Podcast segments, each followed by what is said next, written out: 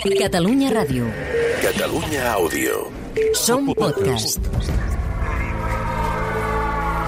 Пропоную Російській Федерації обміняти цього важко. Всі решта тіл, які ми зібрали В по каждом, місту, почти в каждом дворе есть захороненные м, Yes, I called it genocide because it's become clearer and clearer. La guerra al dia. Amb Albert Mercader.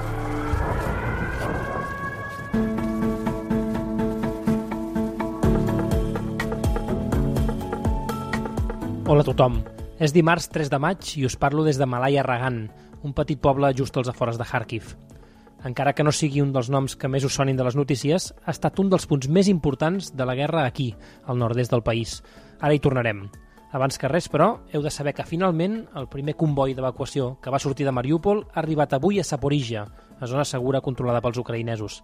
Hi han arribat 69 persones, pràcticament tot dones i nens, com la Tatiana. El camí ha estat molt difícil. Hem trigat aproximadament 3 dies si tenim en compte el dia que vam sortir de la planta.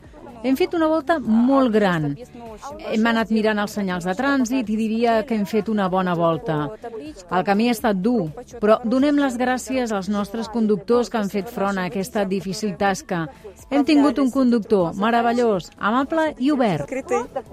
El comboi humanitari ha tardat dos dies en recórrer 200 quilòmetres, perquè us en feu una idea de la dificultat de tot plegat. Però, com us deia, avui us parlo des de Malaya Ragan, un lloc important d'aquesta guerra. Primer, perquè s'hi van instal·lar les tropes russes durant diverses setmanes per llançar atacs a Kharkiv des d'allí. I després, perquè la contraofensiva ucraïnesa va acabar propiciant que fos un lloc on els soldats russos i ucraïnesos van protagonitzar algun dels combats més durs d'aquesta guerra. D'això ja en fa unes setmanes, però el rastre encara hi és ben present. Al terra ja no hi ha cossos de soldats, com ens asseguren que hi havia ara fa unes setmanes, però a mesura que et passeges per la zona no pares de veure el que queda dels combats que s'hi van produir. Els ja malauradament habituals edificis destruïts per les bombes, aquí hi hem d'afegir roba militar, botes, guants, paquets de menjar, per cert, caducat, i per no parlar ja dels tancs calcinats i fins i tot d'helicòpters militars abatuts i estavellats allà, al mig d'un camp de cereals. Ah, i de la seta blanca, el símbol de les tropes russes que està pintat per tot arreu. De fet, aquí queda ben palès que aquesta batalla la van guanyar els ucraïnesos. Ens hi acostem amb cura i escortats en tot moment per membres de les unitats de defensa territorial de Kharkiv, que ens acompanyen. Ens insisteixen, sobretot, que seguim estrictament les seves petjades i que no ens desviem del camí. Poden quedar-hi explosius sense explotar i és bastant habitual que els russos, quan es retiren, deixin la zona plena de mines per quan arriben els enemics. Just a l'entrada del poble hi trobem una granja. En rep la Lubov, és la propietària. Té 62 anys. Els primers dies d'invasió, els russos van bombardejar la granja. Més de 140 animals van morir cremats. L'endemà van arribar els soldats i es van instal·lar just al costat. Els soldats russos es van instal·lar a 300 metres d'aquí. Venien a buscar llet i ens feien munyir les vaques davant seu per por que els poséssim verí a la llet. Podem parlar també amb el Ruslan, un pastor del poble. Des del principi de la guerra, els russos van passar un mes aquí al poble. Estaven darrere d'aquella granja que també van bombardejar. Al principi no feien res, però després van robar el vodka del supermercat i un cop borratxos van començar a robar les botigues i feien el que volien. Els veïns del poble van haver de suportar durant setmanes el maltractament dels russos. La Lubov ens continua explicant com van ser aquells dies.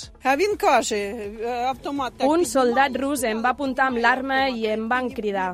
Sabem que tu dones suport a Ucraïna. He vist la bandera fora de la teva granja. Jo li vaig contestar, doncs sí, vaig a favor d'Ucraïna, dispara, a què esperes? Si ja lluites fins i tot contra les dones, què més puc dir? Em va deixar i va marxar. No la van matar. L'atzar, un moment de benevolència, un soldat amb bons valors, mai saps quina és l'explicació correcta. Però no tothom va tenir la mateixa sort a Malaya Ragan. La gent s'amagava, no sabies què et passaria si et trobaven. Els russos van agafar una noia jove del poble i la van violar. Una història que es repeteix i es repeteix a cada zona ocupada que trepitgem. Aquesta violació la va documentar l'ONG Human Rights Watch. Aquesta vegada era una noia del poble, de 31 anys, que una nit, quan s'amagava amb la seva filla i la seva família, al soterrani de l'escola, va entrar un soldat armat i els va obligar a posar-se tots en fila. Allí va agafar la noia i mentre l'apuntava amb una pistola la va violar diverses vegades. Li va dir que si s'hi negava mataria allà mateix la seva filla. El soldat tenia 20 anys.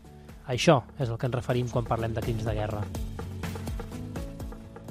I per acabar, deixeu-me explicar-vos una anècdota o una part interessant de la notícia que fa referència a la naturalesa dels soldats del bàndol rus.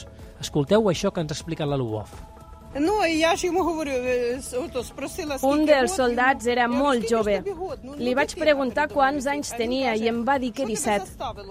Jo li deia, i què fas aquí amb 17 anys? Ell em va contestar que la seva parella estava embarassada i que el govern rus li havia promès que per estar aquí només uns dies li pagaria 1.000 dòlars. La història oficial que els havien dit als soldats per venir a Ucraïna era que només venien per fer entrenaments. Quan van arribar aquí, els van prendre els passaports i els mòbils i ells van entendre que no era un entrenament, sinó que venien a lluitar. Soldats molt joves i enganyats dient-los que anaven només de maniobres militars prop de la frontera. No és la primera vegada que sentim aquesta història des que som aquí a Ucraïna. Potser és un bocí més de la propaganda ucraïnesa, no ho sabem. De moment ens quedarem amb el dubte. Un més, que aquí en tenim molts. Dubtes i contradiccions. Que en això de la guerra no hi ha blancs ni negres. Tots són grisos.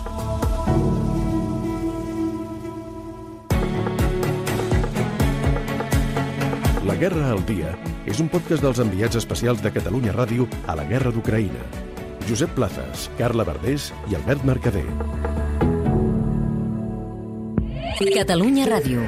Catalunya Àudio. Som podcast.